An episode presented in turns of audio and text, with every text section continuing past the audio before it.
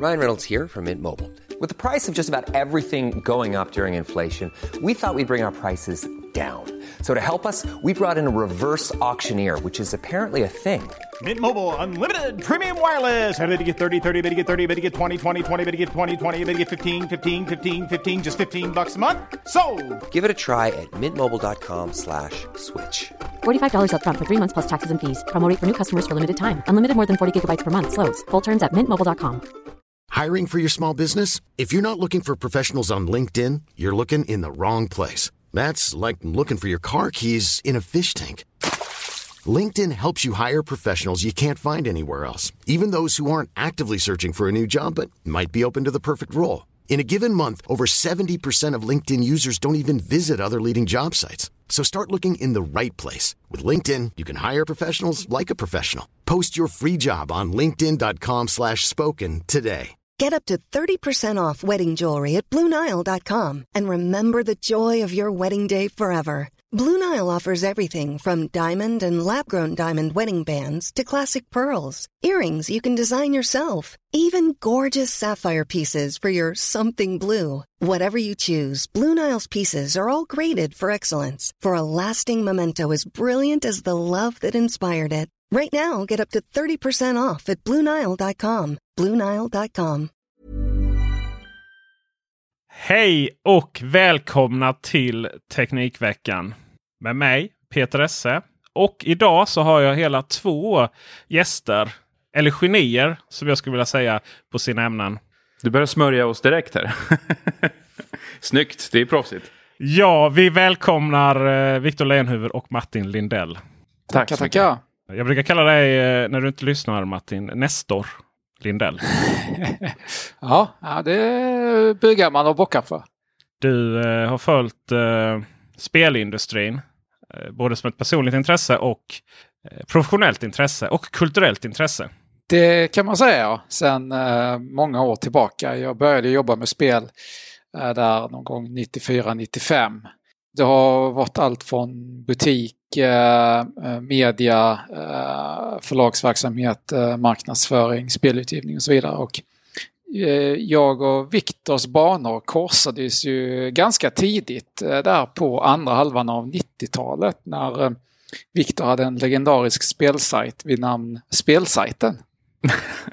Ja, som osnutna unga tonåringar så fann vi varandra. Och jag hittade ju dig då eh, när jag, sök, jag sökte mig till din eh, hemsida. Martins spelsida hette den va? Ja, det var väldigt tydlig branding. Ja, oh ja. Okomplicerat och härligt. Det var en simplare tid. Viktor Lenhuvud, eh, du har då uppenbarligen startat Sveriges första spelsajt, spelsidan. Sen har man ju sett dig i både tv, radio, poddar. Du har varit med i ett poddavsnitt och pratat om din spelstudio och ditt spel du gjorde tidigare här i Teknikveckan. Och det var trevligt. Kul att få breda ut sig lite och dra hela, hela valsen. Jag bjöd in er för att vi skulle prata om Nintendos 30-årsjubileum. Redan där blev det ju fel. Det är ju för det första 35-årsjubileum och det är ju inte Nintendos jubileum utan det är Super Mario. Men min första fråga här är ju, är det egentligen någon skillnad på Nintendo och Super Mario? Nintendo, visst, Mario förkroppslar ju väldigt mycket men, men uh, Nintendo grundas ju 1889. Så att Nintendo har varit verksamma alltså, i över 130 år, eh, vilket är väldans väldigt eh, häftigt faktiskt. Ju. De gjorde ju spelkort från början och sen började de göra leksaker och kom då in på arkadmaskiner som ledde till tv-spel. Och de säljer ju faktiskt fortfarande kortspelen idag i Japan, kortlekar. Det är väl väldigt, väldigt, väldigt lite. Men visst är det så att Mario är väl liksom synonymt med Nintendo för många. Vi kommer ju återknyta till det senare men det tidigaste försöket var ändå Game Watch för övrigt. eh, Så att det dröjde ju ett litet tag där väl. Exakt kronologi där, det var väl, eh, de, de gjorde ju lite arkadspel. Det var lite så här typiskt många japanska eh, utvecklare, typ Sunsoft, Nintendo. Eh, SNK, de började med att göra kloner på framgångsrika spel som Space Invaders och Breakout. Så gjorde de liksom sina egna varianter och försökte lära sig. Och så blev spelen liksom mer avancerade och man gjorde, började göra andra grejer. Nintendo hade hållit på mycket med sådana här elektromekaniska eh, arkadspel, alltså innan det var digitala eller, eller elektroniska arkadspel, det var det mekaniska eh, arkadspel. Så man hade ju såna här Wild Gunman och, ja, den kanske är i och för sig lite nyare, men man hade såna här eh, varianter av ljuspistoler och andra grejer där det var liksom mekaniska rörelser som eh, spelade in istället. Men sen gjorde de en slags Pong-klon. Och Game Watch var väl typ 80-81. Och det var ju samtidigt då i, i, i, kronologin, då är det ju en ung Miyamoto som gör ett arkadspel som heter Donkey Kong. Och Donkey Kong idag är väl mer känd kanske som Donkey Kong Country, alltså eh, brittiska Rares, eh, lite mer hippare apa i, i fake 3D. Men då var ju Donkey Kong eh, det arkadspelet där man då som Jumpman, som ser ut som en viss Super Mario, han får namnet Mario senare då, ska rädda sin flickvän från en stor apa på en byggnadsställning. Och det är väl såklart en viss inspiration från King Kong. Donkey Kong, King Kong. En del kanske har, har sett det här uh, spelet, om inte annat så i dokumentären King of Kong, uh, som är en fantastisk berättelse om två personer som försöker ta världsrekordet i det här gamla arkadspelet. Så här, tydlig antagonist och protagonist i, i det narrativa. Så där någonstans började för Mario. Viktor Lejonhuvud, när hittade du Mario? Det var väl det konventionella att jag hemma hos en kompis eh, fick uppleva det första Super Mario Bros på eh, Nintendos 8-bitare. Innan dess hade jag inte eh, utforskat tv-spelande så mycket överhuvudtaget. Så vitt jag kan minnas i alla fall. För det är mitt första minne. Att, eh, alltså, att det är så starkt och slående just det här med att man ska ta sig över, hoppa över den här första gumban som med bestämda steg är på väg mot den. Och eh, är det första dödliga hotet på den första banan i Super Mario Bros. Så det tror jag, tror jag många eh, känner igen sig i. Eh, och när kan det här ha varit då? Ja, strax innan 90-talet ändå. Eller jag undrar om det inte var på 90-talet faktiskt. För jag var rätt sen med eh, Nintendos 8-bitare. Sen så hakade jag på Super Nintendo i princip på releasedagen i Sverige. Och när kan det ha varit då? 91, 92 någon gång? Sommaren 92, jag tror det var 4 juni. Ja, ah, sådär. Just det. Så att det var lagom. Jag, jag för mig att det var så att jag begav mig direkt från skolavslutningen in till stan och eh, tog alla mina besparingar och brände dem då på ett eh, Super Nintendo. Precis som jag gjorde. Min mamma ville inte skjutsa mig ut till Eks radio eh, på Långebro i Kristianstad. Så jag, jag eh, tog eh, plan B och eh, gick själv till Domus som låg lite mer centralt, knatade ner i källaren och köpte Super Nintendo med Super Mario World där. Super Mario World var ju otroligt för övrigt. Verkligen än idag fulländat måste jag säga. Det må låta som att man eh, har eh, rosen, vad ska man säga, förskönade minnen. Men, men eh, än idag håller det ju verkligen. Om man till exempel tar sig an det på eh, den här eh, uh, SNES Classic som ju finns att köpa än idag så slås man av hur briljant det är rakt igenom. Det följde med va? Det också. Bara en sån sak. Det var på den tiden man faktiskt kunde lägga alla sina pengar på en spelkonsol. Komma hem och kunna spela. Istället för att behöva köpa till spel. Samtidigt så finns det ju konsoler än idag som lanserades utan att få något spel som eh, ja, var värt konsolen att köpa. Jag tror det var eh, Hallstan på spelradion som vi hänvisat innan som sa att eh, en konsol inte... Man måste, under konsolens livstid måste det gå att köpa tillräckligt många spel som kostar lika mycket eller mer än vad själva inköpet av konsolen gör. Det var ju rätt kloka insikt. Jag vill minnas det som att man på den tiden mer eller mindre såg en konsollansering som synonym med ett flaggskepp. Det har ju förändrats över tid och särskilt nu inför eh, Playstation 5 och Xbox Series S och X och allt vad de heter så frågar man ju sig nästan lite grann vad, vad är flaggskeppet egentligen? vad är det som man liksom bär upp den här lanseringen med? Eh, det var ju så himla tydligt, som starkt lysande stjärna Super Mario World. Det får man ju säga. Innan Super Mario World kom så pratade vi dock om 8-bitars. Martin Lindell, du har skrivit en bok som heter 8-bitar på 80-talet. Just det, Nintendos marsch in i de svenska hemmen. Vi har ju en väldigt stark Nintendo-kultur här. Och det ska vi tacka Bergsala för, som man säger generalagent för Nintendo. En ung Ove Bergsten jobbade ju med eh, hifi högtalare och ljudanläggningar och sånt. Och under en inköpsresa till Asien så hittade han ju Game Watch och eh, började importera den, alltså kom i kontakt med Nintendo, åkte dit och så vidare. Och med hans kollega då, Lars Jarham, så lyckades göra väldigt mycket. Nintendo var ju rätt sparsmakade på marknadsföringsmaterial och sånt, utan det var ju de själva som hittade på och gjorde SM i Game Watch och så vidare. Så det såldes ju oproportionerligt mycket Game Watch i Sverige jämfört med övriga Europa. Och Donkey Kong då blev ju väldigt populär. Eh, så när, när NES skulle lanseras så fanns det ju en kännedom kring eh, Nintendo. Eh, och man hade ju då släppt lite andra spel som Mario Bros var ju populärt på arkadhallen. Eh, det var ju Marios första egna spel. Men då är det ju inte sidskrollande att man går från vänster och höger, utan man är på samma skärm och tillsammans med Luigi ska man då rensa ohyra det kommer då sköldpaddor och krabbor och sånt där. Och ett rör så hoppar man underifrån på plattformen så att de, den studsar upp och de ramlar upp och ner. Och sen så knockar man ut dem. Och det, det var populärt och portades då till hemmasystem som Commodore 64 och Atari 2600 vad det var. Så det, det var lite upptakten.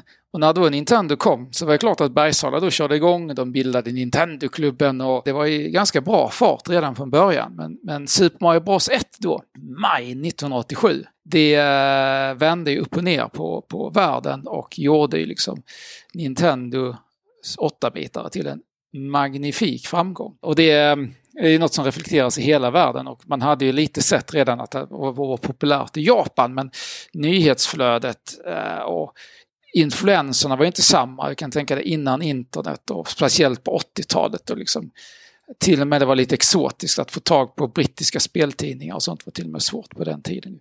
Så att det, det var inte så att det gick över en natt, men ryktet började spridas och jag minns ju att alla tyckte det var häftigt. Eh, själv så hyrde jag ju Nintendo i början för att mina föräldrar tyckte att vi har ju en Intellivision och den, den spelar vi inte så mycket på. Och någon gammal Pongklon. Så att det var lite så här, ah, ska man verkligen köpa en till dyr maskin. Men de insåg ju ganska snabbt efter ett par helger, ett par olika spel, hörde sånt där som Excitebike och ja, vad det var. Eh, så insåg man att, att det här är ju något som det kommer att bli billigare i längden att köpa. Men Bergsala, eh, jag har fått för mig att det var, var unikt för världen. Vi har Nintendo Japan, vi har Nintendo of Europe och vi har Nintendo of USA. Och sen har vi Bergsala här uppe. Från början så, så var Nintendo bara NCL, alltså Nintendo Corporation Limited, var det Company Limited i Japan. Och sen grundades Nintendo of America. Men det, det dröjde ganska länge innan Nintendo of Europe kom in i bilden. Det var först en gång eh, där strax innan eller kring Super Nintendo. Och det betyder att innan dess var det, förutom Nordamerika och Japan, så var det alltså olika lokala företag som fick agenturen att sälja. Det var liksom för kostsamt att bygga upp egna kontor. Men det är klart, i takt med att marknaden växte och Nintendo blev större, då gick man in i många länder. Eh, så då började man ha, etablera egna kontor. Och det, väl, det finns ju fortfarande mycket lokal Nintendo-närvaro eh, här och var. Men vad som också hände var ju att eh, eftersom det nu blivit mer digitalt, mindre fysisk försäljning, då har man också skalat tillbaka och centraliserat lite mer igen. Men Bergsala, tack vare att de har gjort så bra jobb, och de var så tidigt ute och eh, liksom var väldigt lojala och Nintendo också väldigt lojala eh, med sina partners. Så har Bergsala en, eh, kan man säga, en väldigt unik roll i Nintendo-sfären. Jag menar att Bergsala, Nintendos VD vet vilka Bergsala och eh, det, Ove Bergsten och de är. Miyamoto vet vilka det är. Han, han ritade ju till och med så personliga hälsningar och tecknade åt Ove Bergsten. Så att liksom Bergsala var ju lite av, eh, det, det, var... Eh, OG som man säger. Ja, precis. Man såg upp till dem liksom. Det var, det, var, det var väldigt tacksamma för deras arbete och är fortsatt tacksamma. Men visst är det så att Bergsala täcker väl in mer än bara Sverige? De har väl eh, Skandinavien, alltså Norge, Danmark, Finland? Är det inte till och med Baltikum? Ja, det där har ju gått i vågor. Vi behöver inte gå in på de här detaljerna, men eh, så här är det att Bergsala fick den agenturen för hela Norden. Däremot hade man samarbetspartners då. Så att eh, Electronic Fun i Danmark till exempel fick danska marknaden. Eh, för då skulle man ha säljare och lokal marknadsföring och sådant. Och en lokal Nintendo-klubb. Ehm, sen fick Unsaku då Norge och sen var det massa sådana här, men sen var det liksom lite fram och tillbaka att någon försökte få direktkontakt med Nintendo och så vidare. Men sen till sist så gick det till att Bergsala har liksom hela Norden direkt själva. Vi har hört eh, namnet Miyamoto här flera gånger. Vem är detta för, för de som lyssnar på Teknikveckan och kanske inte har någon eh, tidigare ingång i Nintendo eller spelkultur? Det är ju Nintendos eh, stor eh, kreatör eh, och han är väl ändå upphovsman och pappa till Super Mario i synnerhet men också Zelda förstås och en rad andra som han etablerade redan tidigt. Jag tänker på mm, Kid Icarus, var inte det hans också möjligtvis? Här får väl Martin rätta mig om jag har fel. Eh, och så jag kan tänka mig att han har varit inblandad i alla fall i tillblivelsen även av eh, Samus Aran och Metroid. Även om det var Gunpei Yokoi va, som gjorde Metroid. Men i alla fall, eh, och idag agerar han ju som någon slags eh, demonproducent på Nintendo. Så att det, de släpper väl inte ifrån sig särskilt mycket utan att det har passerat under eh, Shigerus lupp så att säga. Ja, han har ju blivit någon slags med creative fellow eller vad jag vet vad hans titel exakt är nu. Men jag tror nu han är nog inte, undrar om han är pensionerad nu, men när uh, Nintendo bytte vd senast uh, så ehm, då satte de med de här uh, veteranerna som några slags, vad ska man säga, kreativt överhuvud Miyamoto och sen var det Genyu Takeda som var då ehm, tekniskt liksom överhuvud. Och sen är det då vdn då, Shintaro Furukawa heter han, den nya som är liksom operativt ansvarig för hela verksamheten. Liksom. Och sen kommer då liksom vanlig företagsstruktur. Den ska vi verkligen prata om mer. Men först ska vi tillbaka till våra barnrum. Vi ska se Martin, eh, du är från Skåne. Stämmer, stämmer. Eh, Blekinge här, Ronneby i mitt fall. Utanför Ronneby till och med Hallabro. Eh, och sen har vi då Viktor. Var, var, var, var växte du upp någonstans? Gröndal i, i synnerhet faktiskt. Jag tror jag, det är väl där jag har spenderat de flesta av mina uppväxtår egentligen. Längs eh, spårvägen då i Stockholm? Tvärbanestråket där, ja. Jag ville bara visa att jag hade lite koll. Eh, anledningen att jag frågar är nämligen att eh, det var vissa saker runt Nintendo 8-bitar som fascinerade mig. Så jag tänker om det var strukturellt eller om det var mer lokal kultur. Nummer ett. Blåste ni i kassetterna? oh ja, oh ja. Ja, oh, det, det, det, blev väl så efter ett tag. Men jag, jag undrar inte om det kom först sådär äh, 89-90. För jag, jag minns inte att man gjorde det i i början utan det var så först när det, vet, spelen hade funnits ett tag, folk man hade lånat spel och konsolen började bli lite sliten, den här connectorn i konsolen. Och eh, folk var slarv, slarviga med sina dammskydd och då, då började komma det där liksom snacket där, men blås i kassetten innan du stoppar i den. Bara, Va? Blåsa? Ja, visst. Fast jag, jag minns det som, det här kan vara en efterkonstruktion, men jag minns det som att det var en intuitiv sak som jag och mina vänner gjorde utan att ha, ha fått höra det som ett tips. Utan snarare att du vet, kassetterna låg slängda lite nonchalant kanske under uh, pojkrumssängen eller uh, under, du vet, i tv-bänken. Och så var det så mycket damm då, så att jag menar, det här var, det var en utmärkt uh, eh, gömma för damm. Jag tänker under till kassetten, det var ju mycket som fastnade där. Så då vill man ju mest liksom, innan man stoppade in kassetten så vill man ju bara blåsa ren den så att säga. Så jag tänkte nog inte riktigt någonting annat än att bara dammet skulle bort. Det var ju så att man stoppade in och så fick man inte kontakt. Var det inte tydligen så i slutändan att man också hjälpte till lite med salivet utan att riktigt veta det? Va? Så att man eh, underlättade att de här chippen fick kontakt. Det låter inte bra för oxideringen dock. Nej, precis i längden tror jag att det egentligen var negativt mm. att man liksom väl kom in på den här nedåtgående spiralen. Sen har jag hört också från håll att det inte överhuvudtaget hade någonting med att göra utan det var bara att ibland så stoppade man in den och sen så tog man ut den och sen stoppade in den och då fick den bättre kontakt och så vidare. Vad var vi fråga nummer två? Hade ni vänner eller gjorde ni det själv? När man spelade med Mario och så skulle hoppa över stupen så tog man liksom samma rörelse med kontrollen. För att det skulle kännas som att man liksom puttade över Mario. Att man ryckte menar du? Alltså att man följde med på något sätt i rörelsen? Just det. Uh, jag gjorde inte det så vitt jag kan minnas. Men det är möjligt att man, att, att, att man gjorde det precis i början. va? Ja, det är väl någonting som man vänjer sig av med. Uh, men jag har inget minne av det alltså. Däremot så minns man ju att alltså, man kunde ju omedelbart identifiera eh, casuals, även om man inte kallade dem det då, genom att de betedde sig just så och i princip ryckte med sig konsolen ut på golvet. Det var ju för fan livsfarligt, särskilt som jag minns att kablarna var väl ganska korta också, va? eller hur? Så man drog ju ut konsolen en bra bit där för att ens kunna... Och så fick man sitta under tvn ofta. Det här med korta kablar är någonting som följde med sen när, när de här minikonsolerna kom. Men vi är inte riktigt där i historien ännu. För eh, jag vill att vi då eh, hoppar över till eh, Super Nintendo. Och det måste ju varit en monumental framgång i Sverige och i stora delar av Europa. Men, men det fanns delar då Sega 16-bitars tog överhand va? Ja, eller så här var det att Ness sålde ju då över 60 miljoner och Ness var exceptionellt stor här i Skandinavien och sålde ju över 400 000 i, i Sverige. Um, där, där är en liten, liten grej jag skulle vilja flika in. Uh, och det är ju att japanerna fick ju ett Super Mario Bros 2 ganska uh, snabbt. Men det var ju uh, i princip samma grafik som i ettan, bara att man designade om banorna. Det var inte så stor skillnad och det var eh, främst svårare.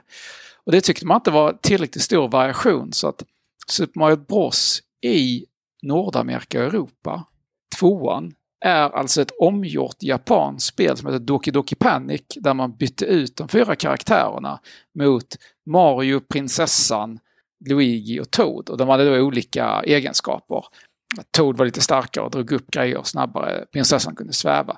Men det förklarar kanske varför det inte var så likt de andra Mario-spelen. Jag, jag, älskar just att det bryter av så pass. Jag tycker det, det, är så uppfriskande på något sätt i sin egen... Det känns verkligen som ett isolerat fenomen också. Det är ingenting som riktigt har återknutit till det förrän nu möjligtvis på senare år när man börjar flörta bakåt med 3D eh, World och så vidare. Eh, men just det med att rycka upp rovor och kasta på fienderna istället. ja, eh, Bara den här chockerande insikten att när man försökte hoppa på fienderna i Super Mario Bros 2 då ställde man sig på dem så kunde man liksom få skjuts istället. och så var man tvungen att rycka upp dem och kasta iväg dem istället. Verkligen att helt omdefiniera vad alltså tillvägagångssätten i Super Mario Bros på något sätt. Just det här svävandet kom ju sen i uh, iOS-versionen. jobbar man ju väldigt mycket med svävande prinsessan. Just det. Jag vet inte om det var med tidigare. Det jag minns dock sen att när, när Super Mario, det japanska Super Mario 2 kom i var det den första All-Stars-utgåvan sen till Super Nintendo. Var det inte väldigt svårt? Lost World som de kallade det japanska Super Mario Bros 2 i Super Mario All-Stars. Just det, Lost Levels är det väl till va? Lost ja. Levels ja, mm. så ja, ja precis. Och det, ja, precis, det var väldigt svårt. Ja, inte så kul heller. Jag tyckte det kändes väldigt oinspirerat, måste jag säga. Alltså man kan väl säga att det var rätt att, att släppa Super Mario Bros 2 som ett helt annat spel för oss istället. Ja, verkligen. Ja, jag, jag minns Super Mario Bros 2 som verkligen en starkt lysande för mig personligen. Jag har många fina minnen av det. Och också musiken, otroligt trallvänlig verkligen. Det känns lite också, min, alltså det här kan ju bara vara eh, i mitt huvud, men jag upplever det lite som också som att Super Mario Bros 3 är som en blandning mellan Super Mario Bros 1 och 2. Alltså, då tänker jag på den väst, väst, västerländska tvåan. Eh, I det att det också utspelar sig på en scen och en slags pjäs, och, alltså lite den approachen. Jag minns nu, nu kommer det tillbaka till mig. Jag tror inte jag blev så mycket Nintendo-frälst förrän faktiskt trean, Super Mario 3 kom. Det var ju den här första då där man sprang runt i en värld och valde banor va? Ja, Just det. exakt. Det var ju oerhört populärt.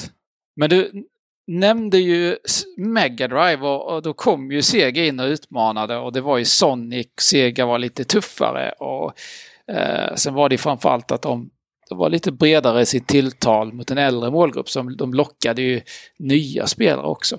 Men där var det, där är det faktiskt så att 8-bitaren sålde mycket mer än Super Nintendo såväl globalt som eh, lokalt här hemma i Sverige.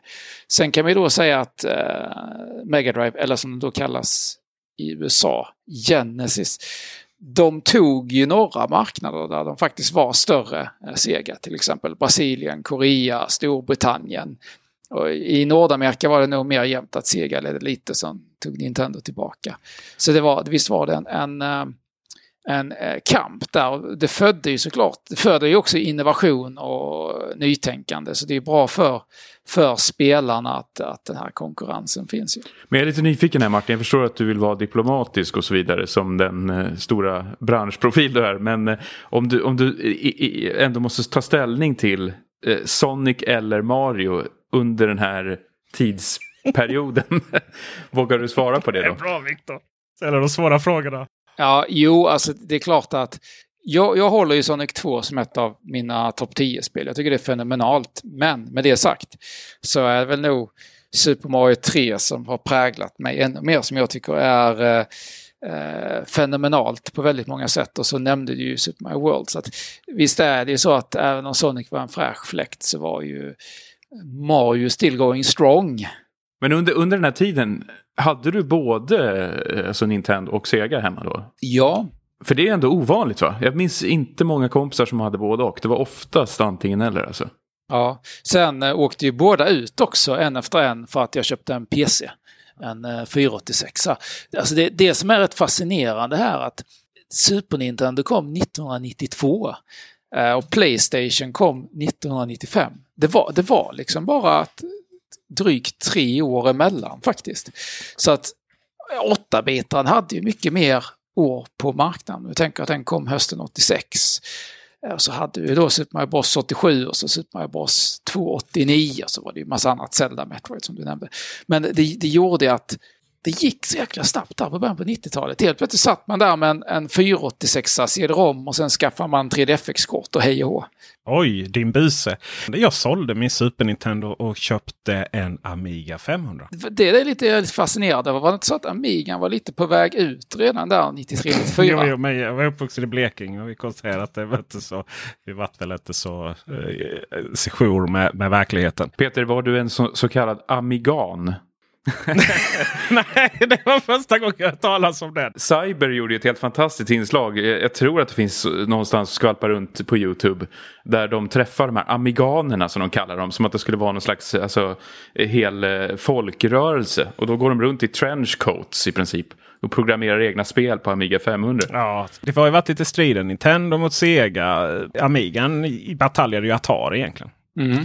Och sen så blev den ju utraderad av av givetvis din 486. ja, precis. VGA-grafikkortet och CD-ROM som, som uh, tutade på. Sen kom Windows. Vi kan prata fler avsnitt sen. Prata MMX-kort och sånt där. Eller MMX-processorer, Pentium.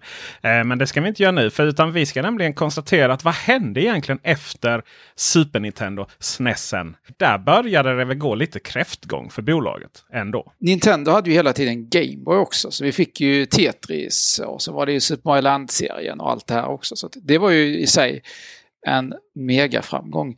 Men något man ska komma ihåg att vi hade ju den här ekonomiska krisen i början på 90-talet och devalveringen gjorde att, att mycket import blev dyrare. Eh, så att intressant nog, så här historiskt, så har det faktiskt sålt fler Nintendo 64 som är då uppföljaren då till Super Nintendo 64-bitarskonsolen som kom 97. Det har sålts fler sådana än eh, Super Nintendo faktiskt i, i Sverige och eh, Skandinavien. Var inte Nintendo 64 väldigt stark i staterna också?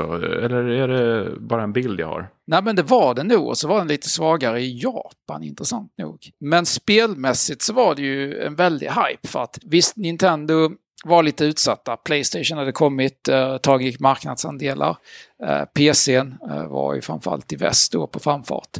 Så, men de lyckades hypa mycket med att eh, Silicon Graphics jobbade på eh, nästa Nintendo-system. Det var supergrafik och det skulle liksom sopa banan med allt. Det skulle bli som Terminator 2-filmen eh, och Jurassic Park kombinerat. Eh, och vad vi får då som första spel är väl vad man kan säga det första riktigt bra 3D-plattformsspelet. För här någonstans då med Playstation 95 och framåt, då är det ju 3D som gäller. Helt plötsligt är det inte hippt med pixelgrafik utan framtiden ska vara, eh, den är i 3D helt enkelt. Och då kommer alltså Super Mario 64 eh, tillsammans med Nintendo 64 i mars 1997. Alltså dealen, dealen med Silicon Graphics, snacka om att det bara var någon slags fluffuttryck som man använde egentligen i, i, i media och marknadsföring ändå. Jag tänker alltså om man jämför det här med till exempel med Sega när de använde, slängde sig med uttryck som blast processing. Som i princip knappt betyder någonting. Nog för att Silicon Graphics faktiskt var en grej men vad hade det egentligen för effekt på tekniken i en Nintendo 64 och vad den var kapabel att prestera? Så himla unikt var det väl inte om man jämför med Playstation eller Saturn för den delen. Ja, den var ju lite kraftfullare i alla fall. Men, men jag, jag minns ju att de, de, om man kollar tillbaka på den tiden så eh, var det liksom lite mjukare. Nu vet jag inte, kommer jag inte ihåg exakt de tekniska termerna, men det var inte så hackigt eller kantigt. Men ja, det sen var fanns väl det andra... anti-aliasing helt enkelt, en tidig Så form. hette det ja. Ja. exakt. Att det liksom mjukade ut. Men sen var det då, eh, vad som hände istället var att många spel hade den här berömda Nintendo 64-dimman. Att det var inte så lång draw distance, vilket betyder att du kunde bara se ganska nära. Eh, Så för att or- då 64 skulle orka med och visa mycket liksom på längre avstånd i 3D-världar. Som när du till exempel åker bil eller om du zoomar ut. Då eh, blir det lite eh, tuffare. Så då, då fick man så här, liksom, lite berömd dimma som täckte upp. Typ Turok var väl ett enda, enda dimtöcken. Verkligen. Ja, just det. På, Som en feberdröm hela grejen. Alltså jag, jag minns det var väl som... ett av de första 3DFX-spelen? va? Aha, Turok. Ja, Just ja det. det. var det. Stämmer. Stämmer. Jag minns också att vi försökte så hårt att emulera Super Mario 3D på våra PC sen. Eh, och det var ju tufft. med Super Mario 64, förutom 3D-grafiken, eh, så fick vi också en annan grej. Det var ju faktiskt att Mario började prata. Han hade ju haft liksom en röst i sådär reklamfilmer, live action-filmen med, eh, vem var det, Bob Hoskins va?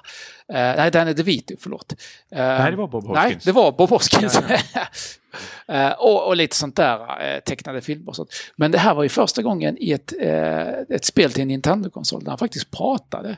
Och det var det ju eh, Charles Martinet som eh, tidigare faktiskt hade gjort röst eh, åt Mario i såna här eh, lek och lärprogram till PC som Nintendo hade licensierat ut eh, till Mindscape och sådana. Men på eh, Nintendo 64 då började han tjoa och kimma, du vet, eh, skrek sånt där It's a me Mario! Woho, Ja, det var väl där de kopplade in Charles Martinet. Eh, jag förstod det som att han fick genomgå en slags casting till och med.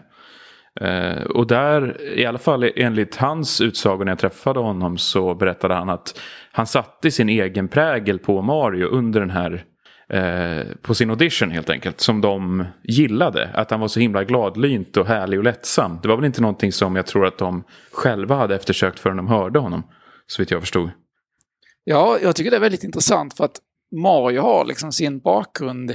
Eh, namnet påstås ju komma från att det var Nintendo of Americas vaktmästare, eller om det var landlord eller vad man kallar det, alltså, som hette Mario Segale och var då en italienare eller, amerika- eller italiensk påbå. Så det var väl mycket där liksom i början att man tänkte någon som eh, någon, någon från Brooklyn i New York. Han den där wrestlaren eh, eh Lou Albano. Det var ju mycket så, Hey Mario, hey we're going after Cooper. Hey, I'm walking here. Det var väl lite med den här Brooklyn-andan som Bob Hoskins försökte sig på också. Vad tyckte ni om den tecknade serien? Jag hade eh, några avsnitt på VOS. Och ah, det är svårt, man var ju rätt ung så man tyckte ju liksom allt som var Nintendo var underbart i princip. Eh, men jag minns väl framförallt introt. Det var ju liksom två låtar. Eh, en intro och en outro. Outron var ju han sjöng då Do the Mario, swing you from one side to the other. Come on everybody, it's time to go, do the Mario. Så den, eh, du vet, den du vet, så här, spolar man fram och tillbaka på videokassetten och sjöng med till. Ja, jag älskar det. Nej, det jag tänkte med emuleringen där var att eh, just för att man gjorde det så började man prata om att Nintendo tog action på det. Och det hade man inte riktigt. Det, det var ju inte riktigt samma respekt för upphovsrätten på den tiden. Och eh, jag tänker det fanns ju Diana Sisters och eh, ni sa Nintendo själva eh, gjorde tidigt här. Eh, varianter av existerande IPs och så vidare. Men, men då började man prata om att Nintendo eh, slog rätt hårt på de här emulatorerna. På ett sätt som man inte hade hört talas om innan. Är det en diskussion ni känner igen? Alltså Nintendo är väl väldigt snabba ofta med sina season, vad säger man, desist brev. va? De gillar inte att fansen håller på och pillar och petar med sånt där. Och håller ju hårt i sina IPn. Är det Martin eh, något väldigt specifikt för Nintendo eller är det, eller är det bara att de har fått klä skott för den här diskussionen? Men att alla är väldigt vakta om sina IPn. Eh, det, det, lite senare så det har ju släppts Mario-kloner eh, på webben och det har släppts eh, även framförallt emulatorer till äldre spel och så vidare som Nintendo har slått extremt hårt på. Och då ska man ju då ska vi ju, detta var ju innan hela retrotrenden kom. Det var ingen som fattade varför man höll hårt i sina IP på spel som aldrig någonsin skulle släppas igen. Trodde man då. Nintendo har väl alltid eh, varit duktiga på att förvalta sina intressen. Jag tänker att Super Mario All-Stars är ju på ett sätt och vis en av de första remasterna av en spelserie. Att man faktiskt tog exakt samma spel och uppdaterade det. Det som nu sker nästan på löpande band med många eh, spelklassiker som uppgraderas från PS3 till PS4 eller ännu äldre och så vidare. Så de, de har varit duktiga på det och nu ser man ju när de ska fira eh, Mario 35 år så kommer det ju en Game Watch-konsol med Super Mario Bros 1 och Lost Levels inbyggt. Det kommer en samling då med Super Mario 3D All-Stars. Och så kommer det då Super Mario All-Stars bli tillgängligt igen på Nintendo Online som är då eh, Nintendos digitala tjänst på Switch som ger tillgång till NES och SNES-spel. Så de är ju duktiga på att, eh, att eh, liksom damma av och ta fram igen. Och det är klart, har man gjort något så väldigt bra då, då är det ju liksom kommersiellt gångbart. Eh, att det blir en tidslös klassiker.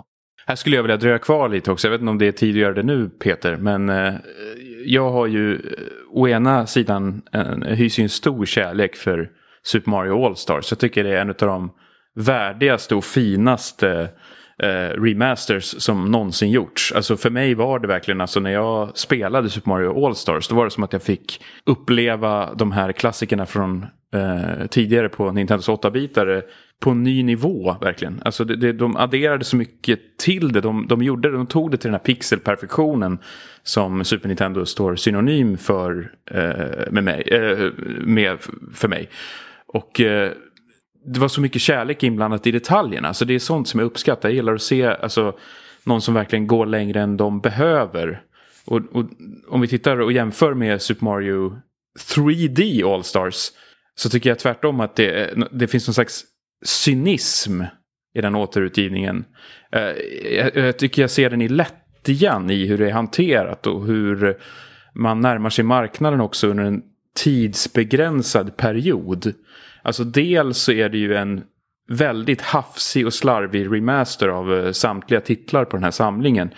Eh, som jag, jag tycker känns ovärdig helt enkelt. Och sen också det här, den här tidspressen som är så uppenbar i det att Nintendo helt enkelt vill alltså, eh, forcera en försäljning.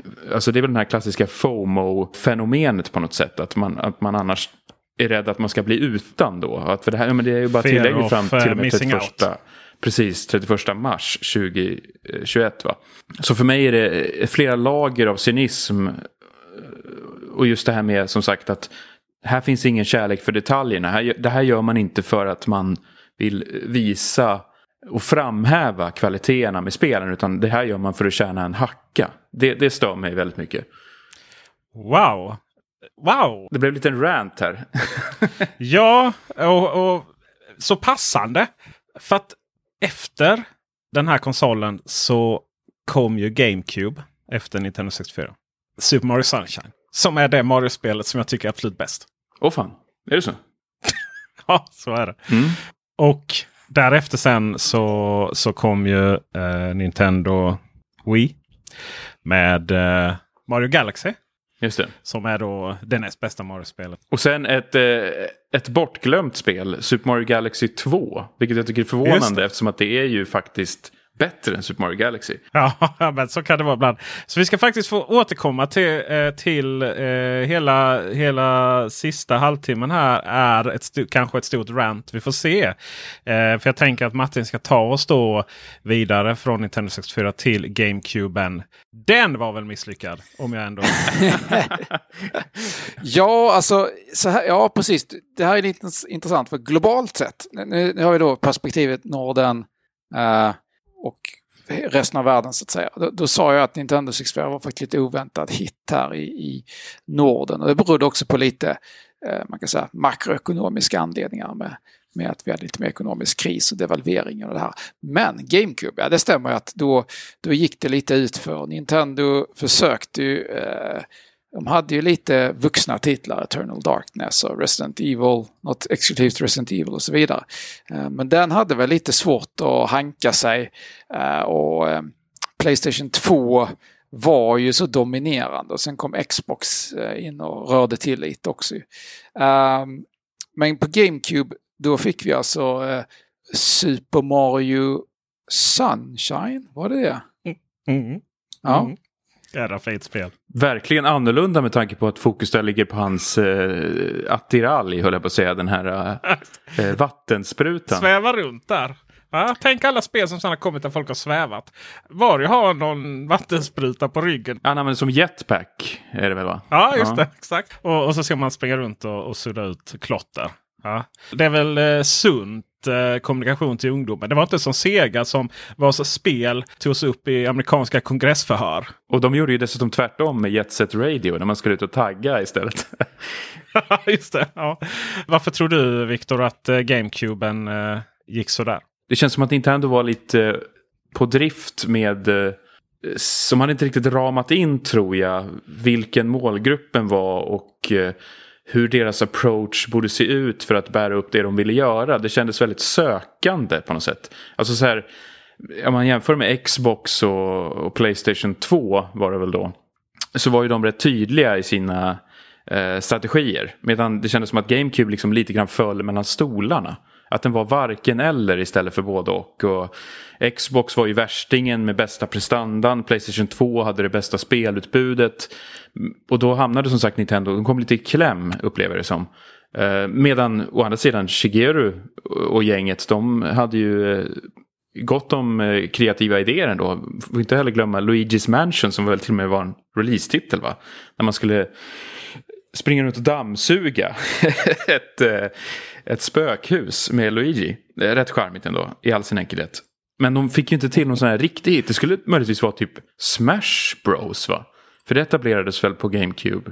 Nej vänta nu, det kom ju faktiskt på Nintendo 64 innan dess va? Fast det var väl GameCube-kontrollen som alla vill ha. Just det, ja, men det, man kanske anser att det är någon slags eh, precis peak där, en formtopp då i Smash Bros väg. För det var ju väldigt maffigt minns jag det som. Det var ju så fullmatat med innehåll och karaktärer och banor och allt vad tusen det var. Ehm. Det var ju en fantastisk kontroll. Jag måste skaffa den till switchen nu känner jag när jag ska iväg och spela Super Mario Sunshine igen. Jag har en tes som jag brukar applicera på allting. Tror ni piratkopiering ställde till det? Eh, Playstation 2 såldes ju exceptionellt många färdigchippade enheter. Jag kommer inte ihåg hur det var med Xbox. Kan eh, Sony ha mått väldigt bra på grund av piratkopiering både på Playstation 1 och Playstation 2? Saken är väl bara att affärsupplägget är att man subventionerar hårdvaran och sen tjänar du pengar på spel. Eh, genom att dels då ett, säljer dina egna spel First Party. Eh, alltså då Mario, Halo, eh, Crash Bandicoot, Final Fantasy. Uh, Final Fantasy var Square Enix. Strunt samma. Eh, andra är Third Party, alltså att du har andra spelutgivare då som EO, Activision, Konami, Capcom, vilka det nu må vara. Som säljer sina spel på din konsol och de betalar en licenskostnad eller att kassetterna tillverkas av Nintendo. Och sen måste man köpa av dem och så säljer man sen Eh, dem. Vilket gör att eh, på piratkopiering, säljer du då maskinen subventionerat eller med väldigt liten marginal så tjänar du inga pengar. Du, du lägger bara ner massa pengar i forskning, utveckling och distribution och logistik som du har svårt att hämta igen bara på hårdvaruförsäljning. Och sen piratkopiera spelen, vilket betyder att då är det en, en förlustaffär nästan faktiskt. Men kan det vara långsiktigt, alltså lite så här playing the long game på något sätt, att om du får in enheten i folks hem då är du ju etablerad där. Dels har du etablerat varumärket. Den här personen som har eh, ägnat sig åt väldigt mycket piratkopiering på plattformen kanske inte i annat fall hade skaffat sig de här spelen överhuvudtaget. Nu så ser de Playstation som någonting synonymt med någonting bra som de har lagt på minnet som de har många kära minnen med. Eh, och då med Playstation 2 så kanske man får utdelning för att då köper man det legit. Alltså förstår du, det finns ju en möjligtvis en sån utdelning över tid kanske eh, som Nintendo alltid har lyckats avvärja. Med tanke på att de alltid varit så finurliga och knepiga med sina mediaformat. Eh, det var väl först med Wii som folk började modda ha sig va? Om jag inte missminner mig. Men innan dess med GameCube, de här små, små skivorna, miniskivorna. Ja, vad söta de var. Och innan dess eh, kassetter. Totalt stickspår. Men jag kommer ihåg i Superpower, den här eh, svenska speltidningen på 90-talet. Så var det en och annan som hörde av sig och eh, var rätt tydliga med att de piratkopierade eh, spel. Och i synnerhet också på Nintendos konsoler fanns det ju någonting som jag inte minns vad det hette. Super Wildcard eller Wildcard och sånt där. Då minns jag att då, då slängde de in bilder på råttor med de här breven i Superpower. Och så kallade de de här spelarna som hade skickat insändarna för råttor. Det är också ett sätt att handskas med pirater. Piratkopiering eller ej så eh, undrar man ju lite hur det gick för Bergsala då under den tiden. Var det lite, var det lite dålig stämning? Om man då lyfter blicken så, så fanns ju då även eh, Gameboy och så är det då Game Boy Advance och så Nintendo DS. Så att fram till och med eh, efter 3DS då när liksom switchen är både portabel och stationär så fanns det liksom alltid något att, att luta sig tillbaka mot. Sen ändrades ju marknaden med att en stor del av försäljningen, det såg man mellan DS och 3DS. Att visst, 3DS kanske inte var det här att man sätter 3D-skärm, det kanske inte var tillräckligt revolutionerande men det var ju också förändringar i marknaden att folk eh, hade smartphones. Så helt plötsligt fanns det app stores som möjliggjorde billig speldistribution och det var ett race till botten där. En stor, stor andel som kanske hade köpt tidigare Nintendo DS och liksom något spel till sina barn. De gav dem helt plötsligt iPads eller sin gamla telefon istället. Inom speljournalistiken, hur såg man på de enheterna? Ja, jag vill minnas att jag gjorde något test av Game Boy Color. När kan det här ha varit? 98 och sånt där. Eh, men jag, jag, tyckte nog att den var ganska, det var mycket av en parentes. För Color var väl i princip bara att sätta färg på Gameboy-spel. Det var ju många av dem som också skulle vara kompatibla med båda plattformarna. Vilket gjorde att det blev lite av en kompromiss. Det var ju egentligen Game Boy Advance som för mig var den stora det stora skiftet. Eh, och där hände det ju väldigt mycket. Det blev ju också diverse iterationer. Game Boy Advance SP var väl den som man vek upp va? och kunde stänga. Så det var ju lite den här DS-approachen nästan. Eh, även om det bara var en skärm då.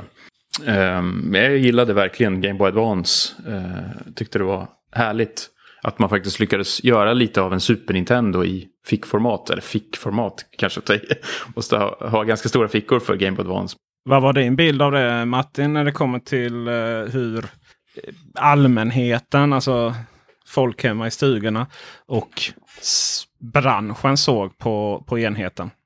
Det kom ju många spel till, eh, till Game Boy Color, Game Boy Advanced och Nintendo DS. Så det var ju kommersiellt framgångsrikt. Sen var det kanske en liten annorlunda typ av spel. Det kanske dels var lite fler då yngre. Men sen var det också vissa inbitna spelare. Och här var det intressant att vissa spelserier då, det man har sett nu med indiespel eller, eller ja, eh, nedladdningsbara spel, liknande spel som typ sidskrollande Castlevania, Metroid Fusion fanns ju. Alltså mycket, mycket spel som senare då banade väg för liksom Metroidvania och liknande. För att många ser ju att ah, men det var Symphony of the Night och sen hände det ingenting och sen plötsligt har genren blivit populär igen. Men då, då ska man komma ihåg att det var en, ganska många år många sådana här spel faktiskt frodades på typ GBA och DS. Castlevania-spelen var ju fantastiska på Game Boy Advance verkligen. Jag vet inte hur många de hann med där. Måste ha varit tre, minst tre stycken va? Kan nog stämma. Fenomenala allihopa. Sen har vi då Wii då eh, som vi pratade om. Sen kom Wii U och det allt eftersom började ju folk tänka tillbaka till de gamla retro, de gamla 16-bitars och 8-bitars. Eh, när började det bli en retrotrend i Sverige? När kom de här retrospelsmässorna? Eh, Martin som du har varit och pratat och ofta på och, och sådär. Hur, hur såg retrokulturen ut? If you're looking for plump lips that last, you need to know about Juvederm lip fillers. With Juvederm Volbella XC and Juvederm Ultra XC, your lip look, whether it's subtle or bold, can last up to one full year with optimal treatment and no additional maintenance. Find a licensed specialist and see if it's right for you at juvederm.com today. That's J U V E D E R M.com. Add fullness to lips in adults over 21 with Juvederm Volbella XC or Juvederm Ultra XC. Do not use if you have severe allergies or a history of severe allergic reactions, or if you're you're allergic to lidocaine or the proteins used in Juvederm. Tell your doctor if you have a history of scarring or taking medicines that decrease the body's immune response or that can prolong bleeding. Common side effects include injection site redness, swelling, pain, tenderness, firmness, lumps, bumps, bruising, discoloration, or itching. As with all fillers, there's a rare risk of unintentional injection into a blood vessel, which can cause vision abnormalities, blindness, stroke, temporary scabs, or scarring. For full important safety information, visit juvederm.com. Hey, I'm Ryan Reynolds. At Mint Mobile, we like to do the opposite of what Big Wireless does. They charge you a lot, we charge you a little. So naturally, when they announced they'd be raising their prices due to inflation, we decided to deflate our prices due to not hating you. That's right. We're cutting the price of Mint Unlimited from $30 a month to just $15 a month. Give it a try at mintmobile.com slash switch. $45 upfront for three months plus taxes and fees. Promo for new customers for limited time. Unlimited more than 40 gigabytes per month. Slows. Full terms at mintmobile.com. I'm Sandra, and I'm just the professional your small business was looking for. But you didn't hire me because you didn't use LinkedIn jobs. LinkedIn has professionals you can't find anywhere else, including those who aren't actively looking for a new job but might be open to the perfect role, like me. In a given month, over 70% of LinkedIn users don't visit other leading job sites. So if you're not looking on LinkedIn, you'll miss out on great candidates like Sandra. Start hiring professionals like a professional. Post your free job on linkedin.com slash spoken today. When you need mealtime inspiration, it's worth shopping Kroger, where you'll find over 30,000 mouthwatering choices that excite your inner foodie. And no matter what tasty choice you make, you'll enjoy our everyday low prices, plus extra ways to save, like digital coupons worth over $600 each week. You can also save up to $1 off per gallon at the pump with fuel points. More savings and more inspiring flavors make shopping Kroger worth it every time. Kroger, fresh for everyone. Fuel restrictions apply. Jag- Jag gav ju faktiskt ut min första, eller min första bok om Nintendo, eh, den här 8-bitar på 80-talet. Första upplagan var 2008 och det var verkligen för de närmast sörjande. Alltså vi pratar typ 30x. Jag, jag trodde inte liksom att jag trodde knappt att personalen på Bergsala ville ha en, förutom Ove själv. Eh, men det visade sig att då, då märkte man att folk hade börjat kolla tillbaka och släppa fram eh, sina gamla grejer. Och det är väl dels en nostalgi att folk då mognar, blir äldre, eh, får lön Eh, och helt plötsligt kanske man kan, har man råd att köpa spelen man inte hade råd att köpa. Sen ironiskt nog är det så många som vill göra det så att helt plötsligt blir spelen dyrare idag än vad de var när de var nya. Eh, men det här var alltså någon gång, jag skulle vilja säga 2010 började hända lite mer. Då har du ju även Retrospelsmässan i Göteborg, Retro Gathering i Västerås och du har Retrospelsfestivalen i Malmö sätter väl igång strax därefter också. Du har ju eh, Retro ja, Classic Gaming Expo i Las Vegas och senare kom den här Portland Gaming Expo. Så då märker man liksom att det är en, en eh, lite större rörelse och det börjar komma upp mycket forum och dylikt och handel på Ebay och Tradera. Och jag tror den här handeln öppnade också upp för att eh, innan satt liksom folk med det på Eh, vinden eller källaren eller slängt det och det var gick som gick på loppmarknad. Det fanns ingen vettig handelsplats, det var svårt att bedöma, finns det något värde i det? Så helt plötsligt började man få liksom lite budkrig på saker. Uh, och då, vi pratade om att Nintendo hade varit duktiga på att förvalta sina spel. De, de gav ju ut uh, uh, de här Super Mario Advance är ju i princip gamla Super Mario-spelen som kommer ut igen i nya versioner. Så de har ju hängt med det här och bevakat det och eh, redan på Wii så fanns ju Virtual Console som var deras digitala tjänst. Där man då kunde ladda ner Super Nintendo, Nintendo-spel, Commodore 64-spel, Mega Drive-spel och så vidare. Eh, så jag tror de har liksom väldigt, de har alltid varit lite finurliga och försökt sig fram. Men kulminationen kan man väl definitivt säga när priserna på klassiska spel och liksom allmänna intresset har, har eh, ökat. Det var väl kring eh, när den här NES, eh, mini-NES, alltså NES Classic kom.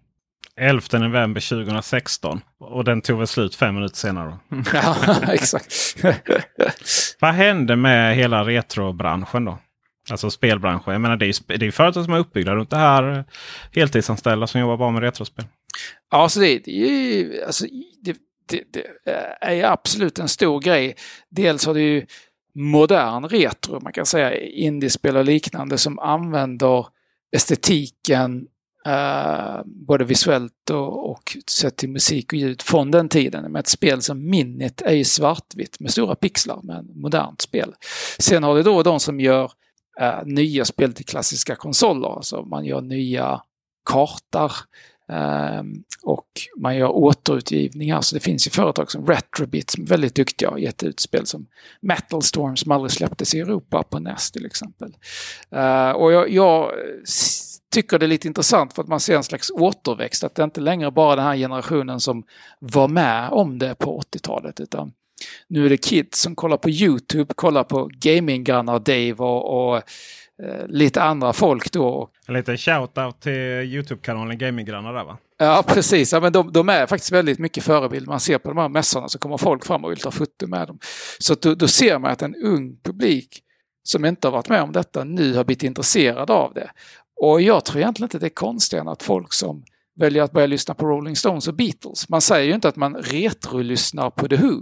Och, så det är väl lite intressant där, kanske definitionen kommer att ändras lite. Men det kanske också beror så mycket på att man ser det som en, nästan som en kategori. Att det är så speciell stil, väldigt liksom nära kärnan på vad ett spel är med att man hade mer begränsad teknik. Så kanske därför man fortfarande använder den här etiketten. Medan det var inte så att det var andra instrument. Liksom Keith Richards och, och, och eh, ja, vad de nu heter. De spelar liksom på gitarrer de också. Eh, man har liksom inte uppfunnit nya instrument. Visst, du har fått nya genrer med synt och så vidare. Men samma med film. Det är inte så att man retro-tittar på gamla filmer även om det finns svartvita filmer. Först då så har man släppt de här spelen till eh, lite klassiska spel till Nintendo Wii. Och sen så släpper man dem igen till Wii U. Det är helt självklart att de är kompatibla. Eh, och sen så släpper man då spelen igen på ni eh, Classic, Nintendo 8-bitars Classic. Eller den heter bara Nintendo Classic Mini. Sen så kör man samma race på, för alla efterfrågar ju en Mini SNES. Och det kommer ju också. Därefter sen så kör man en ny runda med de här spelen på switchen genom att om man abonnerar på Nintendos abonnemang då kan man spela multiplayer och man kan då får man de här spelen gratis. Det är visserligen billigt. Sen så släpper man SNES-spelen. Började komma och nu då så kommer man att sälja Allstars. Nej, Allstars ingår. Men eh, slutligen då lanserar man Allstars 3D temporärt. Får väl en viss känsla av mjölkning här. Ska jag fortsätta min rant nu? Ja, Ja, om du frågar mig, verkligen, så tycker jag det. Eh, jag hade inte haft någonting, alltså jag har ingenting emot den här eh, återutgivningen eh, rent principiellt alls. Eh, snarare är det nog så att jag har svårt att dölja min besvikelse över eh, vad utfallet blev. För att man hade ju kunnat göra någonting med kärlek och alla de resurser Nintendo har. Kom igen. Ingenstans skulle de ju egentligen behöva vara begränsade någonstans. De sitter ju inte bara på en kulturskatt utan också på ett jävla berg av pengar. Och eh, fantastiska resurser i form av första partsutvecklare. Varför inte göra någonting värdigt av det här? Alltså ta Sunshine och eh, gör en, eh, alltså det behöver inte vara en remake men en remaster där man faktiskt gör om alla eh, assets och alltså det verkligen, man piffar till det så att det ser ut som man minns att det såg ut men med moderna mått så att säga. Ja men alltså bara eh, eh, ta allting in i modern tid så att säga men ändå med alla kvaliteter och kärnvärden kvar. Det var ju exakt det man gjorde med Super Mario All-Stars, alltså från Nintendos 8-bitare till Super Nintendo. Man spetsade till det, gjorde det alltså pixelperfekt mer eller mindre och även musiken lyfte man ju. Alltså det hade man ju kunnat göra här. Vad fan ta in big band eh, orkester eller något sånt där. Och kör alla de här härliga melodierna. Spela in dem på nytt med, eh, med bättre ljud, bättre kvalitet rakt igenom. Då hade jag ändå känt fan det här är det här vill jag ha. Då hade mitt ha-begär gått igång. Nu känner jag bara att eh, jag känner mig sviken nästan. Det är inga positiva tankar. Eh, Martin, hur, hur ser du på mjölkandet? Om vi får använda den. Och eh, sen också, tror du Mario eh, 3D All-Stars tar bort 64-marknaden och även GameCube? Jag tror att de spelen sålde så pass mycket. Man, man tryckte mer eh, skivor för det var ju billigare att trycka DVD eh, Eh, och, och ja, göra alltså små, små CD-skivor än eh, att göra kassetter med elektronik. Vilket gjorde att man kunde pressa mer än man behövde. Det var enklare att trycka fler upplagor. Om man hade sålt slut så behöver man inte tänka oj, det blir dyrt att göra en ny upplaga. Ja, men vi testar, vi kör. Um, så att, det finns fler spel ute. Man, man gjorde såna här jag tror om Nintendo kallade det Player Choice, eller om jag hade fel där, men man gjorde även budgetutgåvor. Så att spelen eh, i sig är ju inte så dyra att få tag på faktiskt till de gamla konsolerna när vi börjar komma upp då till eh, Super Mario Sunshine och eh, Super Mario Galaxy. Däremot, ja visst, jag kan väl förstå en frustration att varför, varför ska det vara limiterat? I alla fall speciellt på det digitala. Fysiskt kan jag förstå att man kan göra en begränsad upplaga, men varför plocka bort det från tillgänglighet eh, digitalt? Det vet jag faktiskt inte riktigt. Är inte det för att det också ska inrymma på räk, vad heter det, räkenskapsåret, tänker jag, 2021? Första kvartalet blir det bara till och med 31 mars. För det är så tillgängligheten ser ut. Ja, jag vet faktiskt inte. Jag, det, det eh, Nintendo har ju så bra eh, ekonomi ändå. Eh, jag, jag vill ge dem en eloge för att de tar upp en av mina favoriter, Super Mario 3D World igen. Den kom ju till Wii U och det var den första Nintendo-konsolen som jag faktiskt inte ägde. Jag lånade den. Och vi skulle egentligen spela Pikmin över en helg. Men vi fastnade istället totalt i uh, Super Mario 3D World eftersom man kunde spela, det var ju co-op liksom. Och, uh, jättekul. Ja, det är superhärligt. De har ju också lagt till någon Bowser betonad expansion va, inkluderar. Ja, exakt. Så den, den ser jag fram emot. Uh, och så får vi se vad de gör med Super Mario Galaxy 2, om den kommer i en, en uh, uppdaterad version till Switch eller om de kommer med en ny uh, Super Mario 3D All-Stars Part 2. Ja, det börjar bli lite splittrat. Jag tycker det är lite roligt också att Nintendo börjar, att de har, de har gjort så många återutgivningar att de börjar gå vilse själva i Alltså vilka de har gjort. För om man tittar på Super Mario 64 i den här samlingen. De gjorde ju faktiskt om det för DS.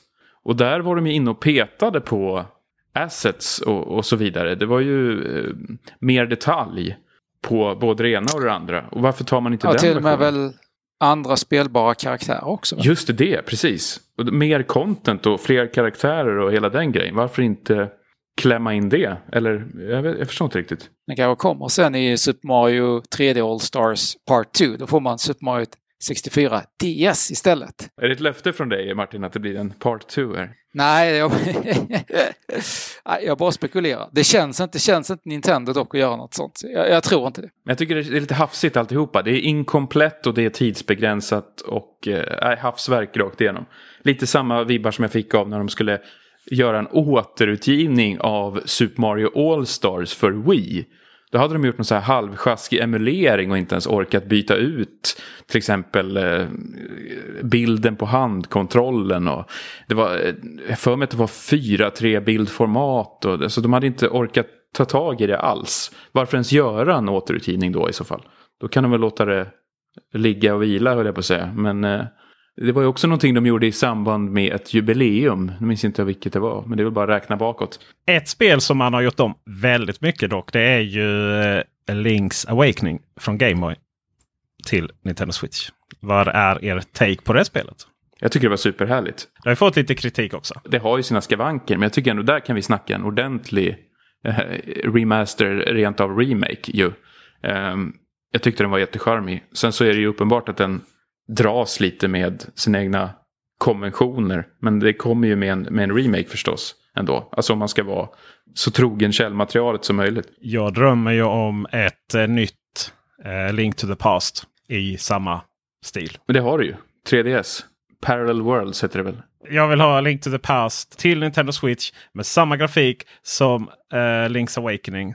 Eh, grafiken på Switch. Okej, en sån uppgradering ja. Mm. Just det, men, men har, du, har du kört 3DS-spelet? Det är ju fantastiskt. Nej, men det känns ju som att det är dags för det nu då. Men alltså finns den versionen att ta hem om man inte har en 3DS till någonting annat?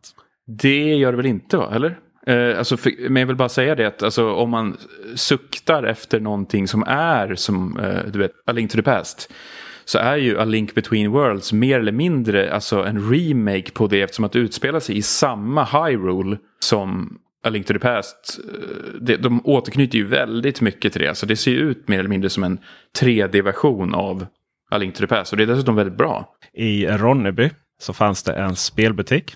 Och där hade de då Nintendo som eh, stod där och man kunde spela detta härliga spel. Men det fattade jag inte då. Men de hade då alltså en grej som, som stängde av Nintendon eh, var, jag vet inte om det var 50 minuter eller någonting. Så man hann ju bara till viss. Så att inte ungarna skulle stå där och spela hela dagen. Men inledningen är ju fantastisk alltså. Fan Ja, vad den rycker med. det. Alltså, just det här med Ja, regnet visst. som piskar mot taket. Man vaknar där på natten. Och så går Ja. farbrodern ut i det va? i regnet och försvinner. Mm. Och så ligger man där kvar själv storögd och bara, vad fan, vart tog han vägen? Och sen så springer man i hans fotspår hittar honom i någon källargång. Och då är han döende också. Det är ju starkt alltså. Och det är det här jag minns. Dit hann man ju komma nämligen. Eh, men sen då när jag väl laddade hem det då på eh, Först tror jag och köpte det på Wii U och sen köpte det på Switch. Det så här, sen kommer man i de här eh, ganska så ibland kan man känna lite oengagerade labyrinterna. För saker och ting ser väldigt likadant ut. Alltså tänk nu att min liksom sen praktiska Zelda-minne det är ju eh, Twilight Princess. Det, det, det är det första Zelda-spelet jag faktiskt spelade på riktigt då. Och så kom han tillbaka. Och det är därför jag någonstans vill, liksom, jag vill tro att med uppgrad, uppdaterad grafik så kommer jag få mer engagemang. Lite så självbedrägelse kanske. Men tror ni att det kommer att komma? För jag menar vad är nästa steg? Nu har man liksom lyckats sälja Super Mario Bros ett gäng gånger här. Eh, till de flesta. Vad är nästa steg för Nintendo? Alltså Och- det, det är ju många som förväntar sig en samling i samband med eh, jubileumet för Zelda. Eh, Är inte det också 35 snart eller är det 30? Martin, du får rätta mig här. Ja, var det 85 i Japan eller var det 86? Bra fråga. Men det, det, det följer ju ganska tätt in på här nu i alla fall, Mario-jubileumet. Men å andra sidan, med facit i hand här med vad Nintendo har gjort med återutgivningarna i Mario-fallet så känns det ju inte som att det borgar för eh, några större underverk i Zelda-sammanhanget tänker jag. Det är faktiskt så att eh, när vi spelar in detta eh, så kom det precis ett pressmeddelande från eh, Nintendo. Där man då eh, kan få uppleva Hyrule Warriors Age of Calamity. Alltså det vill säga händelsen som, som eh, finns med i The Legend of Zelda. Den historiska händelsen. Kommer man då kunna få uppleva i Hyrule Warriors. Snacka om och korsbefrukta spelen här. Mhm. Hyrule Warriors är väl ingen vidare tyvärr. Men... Jag, jag gillar ju den serien, men jag är ju gammal Dynasty Warriors-fan. Så att... Okej, eh, Martin, nu har jag kollat här. Eh, första Zelda 1986, februari. Ja, exakt. Så blir det, då blir det 35 år nästa år alltså. Mm, vi får se vad som händer då. På det stora hela, vi har gått igenom alla konsoler. Vi har, nu är vi framme vid Switch som ju, som ju verkligen var en revansch på alla sätt och vis. Sen behöver vi inte ens fråga hur framgångsrik den är. Det var väl väldigt många som köade utanför Bergsala kontoret i eh, Eh, Kungsbacka.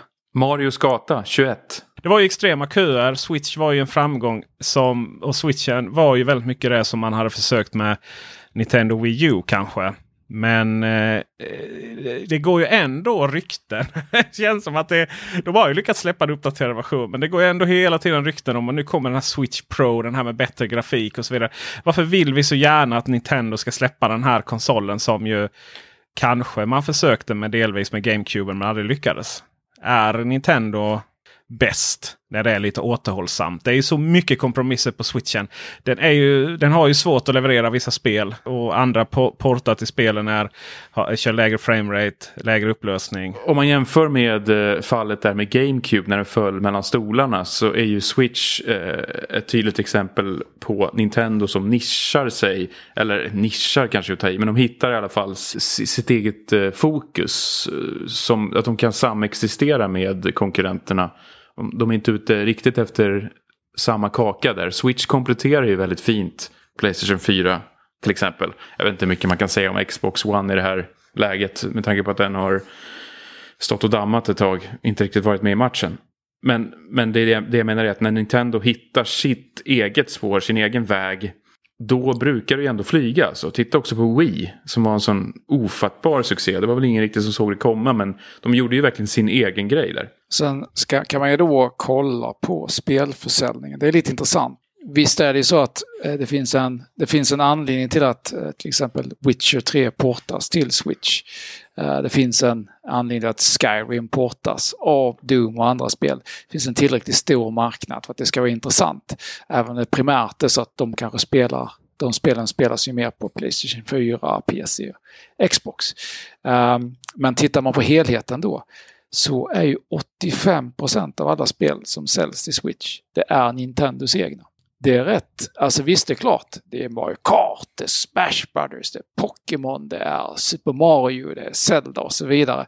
Eh, det är Animal Crossing nu senast. Men det är ändå, tänk det är alltså 85 av 100 spel är Nintendo-spel. Tar man de andra plattformarna så är det ju garanterat eh, helt omvänt. Eh, att EA Activision, Capcom och massa andra står då säkert för större merparten. Sen har du de egna spelen då Uncharted, Ghost of Tsushima eller Halo eh, och så vidare som, som står antagligen för 10% Men Animal Crossing, ett spel som egentligen inte har en handling. Som inte kan vara Ja, det var väl att ta i va? Men eh, det är inte så att du ska rädda prinsessan. Du ska inte utrota allting ont. Det är inget stort äventyrsspel. Du har din ö, du odlar lite, du kan komma på besök. Nästan som man tror att Gevalia kaffe finns med. Monumental framgång. En sådan framgång så att man, eh, man börjar backa från att utveckla mobilspel. Då som man påbörjade lite med Mario Kart och eh, Dr. Mario och innan dess även ett Mario-spel. Eh, lite mer traditionellt sidskrollande. Eh, lyckas man med de här eh, casual-spelen. Eh, andra tillverkare då, de, de, de, tar år att utveckla spelen. Det är AAA-spel. De är så dyra. De misslyckas. De tar stora risker. Och så kommer Animal Crossing. Är det inte också lite årets bäst tajmade lansering? Alltså eh, Nintendo eh, råkar mer eller mindre skicka ut Animal Crossing lagom till att eh, covid eh, isoleringen är som störst och plötsligt så sträcker vi ut våra digitala händer i form av de här små djuren. Eller vad nu det är. Eh, man kanske är människor förresten. Men man är någon slags djurvärld i alla fall. Jag menar, folk har ju mer eller mindre hittat varandra i det här spelet. Och det känns som att som sagt tiderna har haft en stor inverkan. Det är, visst, man kan väl också tillskriva det talang och, och allt sånt där. Men det är också mycket tur och timing här. Eh, Animal Crossing har väl aldrig varit så stort som Eh, det här senaste släppet. Min känsla och in, intrycket är att det här har haft någon slags populärkulturell inverkan som jag aldrig har sett förut. Alltså just det här med att det till och med görs en talkshow i Animal Crossing. Eh, där kändisar samlas och, och medverkar i intervjuer och allt vad tusan det är. Det är ju eh, som sagt, jag tycker det går lite hand i hand med det här att man sitter på Zoom och umgås eh, via webbkamera och så vidare. Jag tänker alltid att Nintendo gör ju mycket sin egen grej också och tittar inte på vad andra gör eller vad andra trender är. Det är ju inte så att de, nu ska vi göra ett eh, Battle Royale Nintendo-spel. Vi har redan Smash Brothers, varför ska vi göra något? Eh, de, de liksom gör sin egen grej istället. Men jag menar mest att säga, jag tror inte, jag tror inte att det var Nintendos eh, jag tror att det var mycket tur här med releasen. Alltså de skulle ju skicka ja. ut sitt Animal Crossing och så råkade det bli så här. Jag tror inte att som sagt man kan tillskriva Nintendo full Nej, fast det är det också. Visst, visst absolut att det är tillfälligheten också. Men jag, jag tror i kombination med att de, eh, de har haft en eh, litet momentum kring Animal Crossing rent allmänt. Eh, de, de hittade ju en lite ny publik med iOS-versionen också. Så mm. jag tycker det är intressant, det var många som har kritiserat Nintendo för sina mobilversioner, men Nintendo själva säger att deras mål är att bygga IPn och eh, alltså intellektuella rättigheter och varumärken. Eh, deras, de, de vill ju nå ut till nya spelare snarare än tjäna massa pengar på sina mobilspel. Eh, så det är intressant eh, och att de har kunnat se att en hel del nya spelare har kommit in med detta Animal Crossing också. Mm. Sen är ju Switch en väldigt bra och lämplig plattform också för Animal Crossing. Ju. I och med alltså, den här bärbarheten och så vidare. Så är det, definitivt.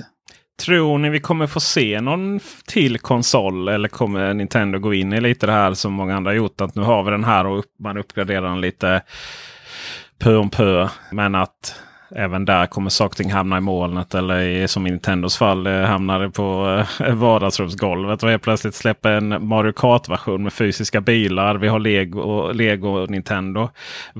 Om eh, ni får eh, ordet här eh, sista. Vad är framtiden för Nintendo inom de närmsta fem åren? Om du börjar Viktor. Ja, men jag tror fortsatt att de kommer jobba med sina egna nischer. Det är väl ganska tydligt att eh, Eh, de, alltså de, de har ju facit där egentligen med, med som sagt succén både med Wii och Switch nu. Eh, de behöver snitsla ut sin egen väg. De är väl lite trailblazers i det kanske man också kan säga.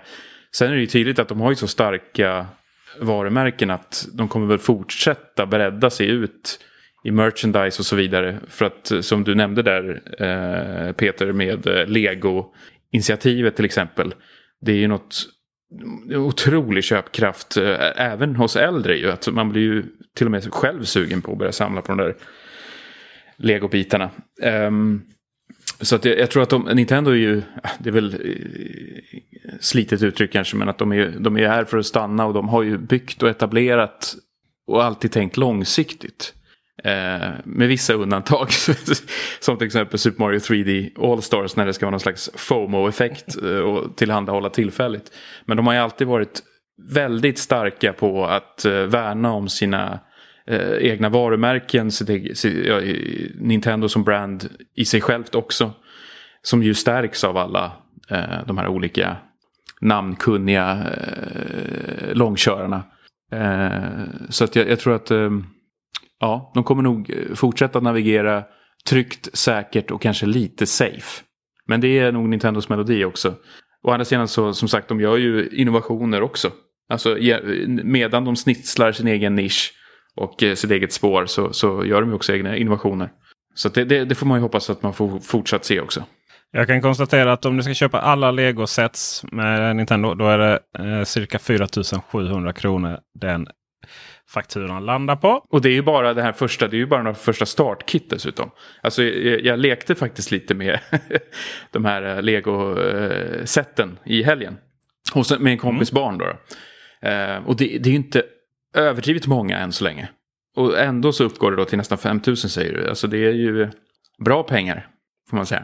All äh, ära och heder till alltså, innovationen som har gjorts med legobitarna. För det är rätt kul att den här Mario-figuren interagerar med olika bitar. Du, alltså, du samlar ju mynt och har det. Alltså, och du stampar och hoppar på de här fienderna. Och lägger du Mario på golvet och glömmer bort honom. Då börjar han ju snarka och sova. Alltså, det, allting är väldigt charmigt och gulligt. Däremot så måste jag ändå sticka in eh, ett litet kritiskt finger, höja kanske man säger, ett kritiskt finger över den här eh, Nessen i Lego. Där känns det ytterligare ett exempel på när Nintendo går lite för långt med sin eh, Just det här, eh, oh, alltså man utnyttjar folks HBR istället för att göra någonting eh, relevant och vettigt av det. De gör ju sådana små övertramp lite då och då, eller lite hela tiden. Då känns det som att då måste man påminna dem om att hallå, glöm inte att eh, göra det av rätt anledning så att säga. Den kostar i sin tur då 2700 kronor. Och jag kan konstatera att eh, Nintendos speditionsbolag eh, har inte jättemånga dagar på sig att hämta ut den hos ombudet. Så just minet tillbaka, eller håller på att skickas tillbaka till Lego. Det var lite tokigt. Martin Lindell. Ja, jag har också köpt en uh, Lego NES givetvis. Jag vill gärna höra er motivera uh, varför. För att alltså, den har ju ingen egentlig funktion. Den är ju, det är ju bara ett, ett, ett, en samling, ett gäng gråa klossar. Alltså, jag hade tyckt det var coolt om de sammanförde NES Classic med Lego. Tänker att man bygger alltså det yttre i Lego och sen så kopplar man in det till tvn och då kan man köra alltså, e-, en, en Lego NES. Det hade ju varit coolt på riktigt. Det här känns ju bara som en gimmick.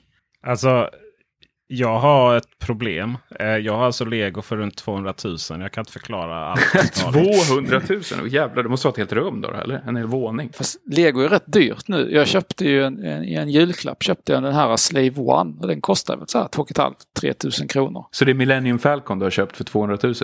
Mm, nej, just det. nej, jag har faktiskt bara den nya. Den som, eh, det var ju lite roligt, den tog ju död. Där kan man ju prata om eh, ta död på retro. Eh, den här gamla Millennium Falcon såldes ju för många, många pengar. Och var den oöppnad så kunde den gå för hur mycket som helst. Det finns ju, fanns ju till och med ett eh, fall där tullen öppnade någons oöppnade Millennium Falcon. Alltså svenska tullen. Och sen så var det ju liksom, du vet, ja nej, men vi öppnar den här för att se så du inte förmodade knark. Liksom. Hoppas det inte gör någonting. Jag förlorade, förlorade ju värdet på den då. Eh, han fick skadestånd motstånd för det. Eh, men jag köpte ju den här nya då som kom. Eh, som, det är lite intressant med den för att det var ju drömlegot. Och eh, sen då den här nya kom då tog alla in det här. Men det var ju ett jättedyrt lego. Det är alltså, så nog att folk köper dyra lego då som vi har sett på den här Nintendo till exempel för 2 7. Men den här Millennium Falcons den började ju säljas ut den nya då ganska snabbt. Så jag vet inte vad jag köpte den för. Runt 7000 kronor. Jag har inte börjat bygga på den ännu. Jag tycker inte det är så roligt att bygga lego nämligen. Men du har det bara i sin låda eh, då? Alltså det är mer värt förstår jag det som en, en guld över tid va? Alltså det ökar mer i värde. Vissa har varit så men, men eh, jag, tror inte, jag tror att om du har pengar ska du nog satsa det i, i mineraler än plast faktiskt. Mm. Det är ju mycket det här med retro. Jag funderar mycket på det här. Jag har även lite 80-tals-lego. Eh, förlåt, 80, ja det har jag också. Men 80-talsleksaker. Dino Riders, Mask, ingen Transformers. Och det är lite så här, det jag funderar är ju den här Dino Riders, den största då, Brontosaurus. En, för övrigt en dinosaurie som lite varannat år inte har funnits. Eh, beroende på vilken senaste tidningsartikel man läser. Det var ju min dröm när jag var liten. Alltså. Jag, jag hade en kompis som hade Brontosaurusen. Det var ju liksom, jag har aldrig varit så avundsjuk. Alltså. Den var ju det var ju ja. verkligen eh, kronan på verket. Så att säga. Och, och jag, jag, har ju köpt den här också. Eh, så lite som, som vuxen då. Eh, lite av de här retro. Men, men problemet med mycket för mig är ju att jag känner väl ingen riktig liksom, jag känner ingen riktig glädje när jag väl äger den. Men eh, det jag funderar på liksom just Nintendo med de här 80-talsleksakerna. Eh, Turtles också lite där. Det är, så här, är det här ett ständigt ökande värde eller är det just och vi 80-talister? Som håller uppe det. Och sen så när vi blir gamla och dör, då, då finns det ingen som har relation till det här. Fast eh, Peter, jag tänker att det är en springande punkt där. Alltså för jag menar, om man tittar på kidsen som istället, att, eh, vars första möte med tv-spel snarare var kanske Nintendo 64. De ser ju den estetiken som alltså, nostalgi, skimrande och eh, härlig. Det finns ju ett antal exempel på, eh, där man har gjort, till exempel det här eh, Hat in Time, eller vad det heter. Som ska vara liksom den, typ, den erans eh, eh Super Mario Banjo Kazooie flörtande 3D-plattformsspel. Och, och, som sagt, det är också en estetik. Det finns ju också exempel där man har inspirerats av Quake och estetiken från det. För att göra snarlika första personsskjutare. Så jag tror att som sagt det är, det är nog en springande punkt alltså. Men det är klart att när vi kommer till fotorealism, vad finns det då att göra? Då är det väl mer en, en genrefråga kanske än eh, en estetik. Så är det ju. Sen kan vi konstatera att Sonys försök med en mini-Playstation gick ju sådär. Ja, men det var ju, det där, alltså, det var ju en självskriven succé. Alltså hur kan man fucka upp det där? Det var ju, det var ju gratis pengar för fan. Om de hade gjort det ordentligt. Det är ju det, de har ju bara de har ju verkligen bara ringt in skiten som man säger på svengelska. Martin, vi, vi, vi, du, du höll på att få ordet där men vi tog det ifrån dig. Så då får du väl nästan förklara. Här får du, har du ju två uppdrag nu då. Dels får du förklara varför Playstation Mini Playstation gick åt skogen. Och sen så även då lite om Nintendos framtid. Jag kan väl bara kort säga att uh, tidig 3D har väl inte åldrats med samma värdighet. Uh, det kanske kommer en era för det också.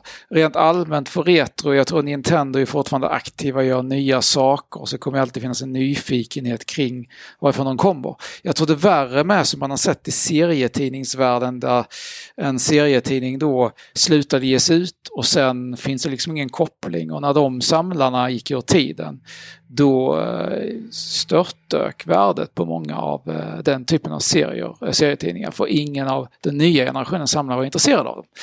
Så det, det, kan väl finnas risk att, säg som hemdatorer kanske inte har riktigt samma återväxt som tv-spel har haft. Men å andra sidan kanske datorintresserade som kommer komma gå tillbaka och kolla på dem ändå, vem vet. Nintendos framtid Eh, jag tycker Viktor var inne på en grej med eh, licensiering och merchandise. Och då vill jag gå ett steg längre och kolla liksom eh, IP-större... om man tänker då Disney. Jag tror Disney och Nintendo har vissa likheter i hur man förvaltar och vårdar och fortsätter att bygga. och sen tror jag även då Nintendo tittar på Pokémon. För Pokémon då är ju ett separat bolag. Eh, Nintendo äger en andel av det men de är inte majoritetsägare vad jag vet. Ehm, och Pokémon har ju faktiskt varit oerhört framgångsrikt på just att eh, bygga liksom värdingar kring det med anime, tecknade serier, merchandise, trading cards, biofilmer, eh, och så vidare. Eh, Pokémon Go såklart har eldat på detta men det är så mycket, de har så många intäktskällor. Eh, Nintendo då, om man kollar på Super Mario så är det ju faktiskt primärt spelen.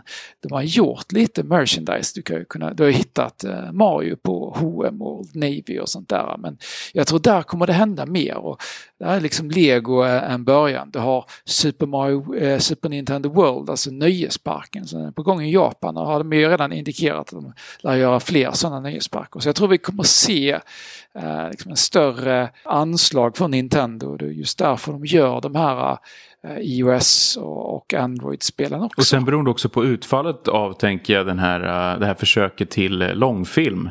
Så får vi se om det blir någon, någon etablering också. Det är de här Illumination som har gjort Despicable Me och Minions och sådär som håller på med en Super Mario-film ju som ska vara klar 2022. Det kan nog bli bra till och med. Ja, det är ju verkligen hjälpt också för att vara Nintendo menar jag. De vågar ju sällan göra sånt här. Eh, de har ju blivit lite brända också historiskt sett av Hollywood med den här Bob Hoskins mardrömmen. Den är ju speciell alltså. Ja, den som lever får se. Vi eh, tackar eh, Martin Lindell, Victor Leijonhufvud. Det var jättetrevligt att ha er med. Det finns ju enormt mycket av era röster och era åsikter som jag tror faktiskt har åldrats väldigt väl ifrån spelradion som slutade sända denna månaden 2010. Är det sant?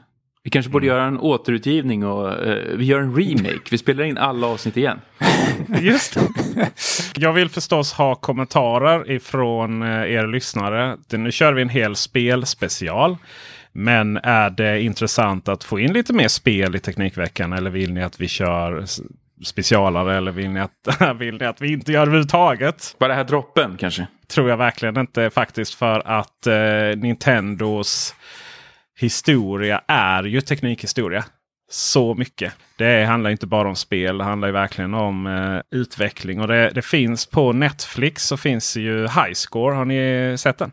Jajamän. Yes. Det är ju jätteintressant att se då. Ett avsnitt handlar om hur man eh, skulle få in eh, 3D i, eh, det var Super Nintendo ju. Argonaut, eller vad heter de? Fan uttalar eh, Just det. De lyckades ju, var de som lyckades göra 3D Gameboy utan att det fanns. Och sen blev de inbjudna till Nintendo. Och eh, då, ja men vi, vi vill ha 3D i Nintendo. Men vi har redan utvecklat konsolen. Mm. så, och den har inget 3D-stöd. Ah, ja, men vi sätter in det i kassetterna då. Det var ju onekligen en annan tid. Så, Super eh, FX-chippen. Ja, och så, så, det gav ju också upphov till Star Fox som ju är en långkörare i sig. Ett annat spel som Miyamoto la sina hand på. Mm. Så med det så eh, får ni ha det så bra så hörs vi nästa vecka. Hej! Do the Mario swing your arms from side to side. Come on, it's time to go. Do the Mario. Take one step and then again. Let's do the Mario all together now. You got it. It's the Mario. Do the Mario, swing your arms from side to side. Come on, it's time to go. Do the Mario, take one step and then again. Let's do the Mario all together now. Come on now, just like that. Imagine the softest sheets you've ever felt. Now imagine them getting even softer over time. That's what you'll feel with Bowl and Branch's organic cotton sheets. In a recent customer survey, 96% replied that Bowl and Branch sheets get softer with every wash. Start getting your best night's sleep in these sheets that get softer and softer for years to come. Try their sheets with a 30-night guarantee. Plus, get 15% off your first order at bowlandbranch.com. Code BUTTERY. Exclusions apply. See site for details. When you need mealtime inspiration, it's worth shopping Kroger, where you'll find over 30,000 mouthwatering choices that excite your inner foodie. And no matter what tasty choice you make, you'll enjoy our everyday low prices, plus extra ways to save, like digital coupons worth over $600 each week. You can also save up to $1 off per gallon at the pump with fuel points. More savings and more inspiring flavors make shopping Kroger worth it every time. Kroger, fresh for everyone. Fuel restrictions apply. ACAST powers the world's best podcasts. Here's a show that we recommend. The Real Housewives is a guilty pleasure for most, but if you're looking to not feel guilty about that pleasure, tune in to Everything Iconic with me, Danny Pellegrino, where I break down all the messy moments and behind the scenes antics of Bravo's popular franchise. And on Everything Iconic, I also interview celebrity guests like Kelly Ripa, Kiki Palmer, Drew Barrymore, Cameron Diaz, and more about their guilty pleasures, their past work, and so much more.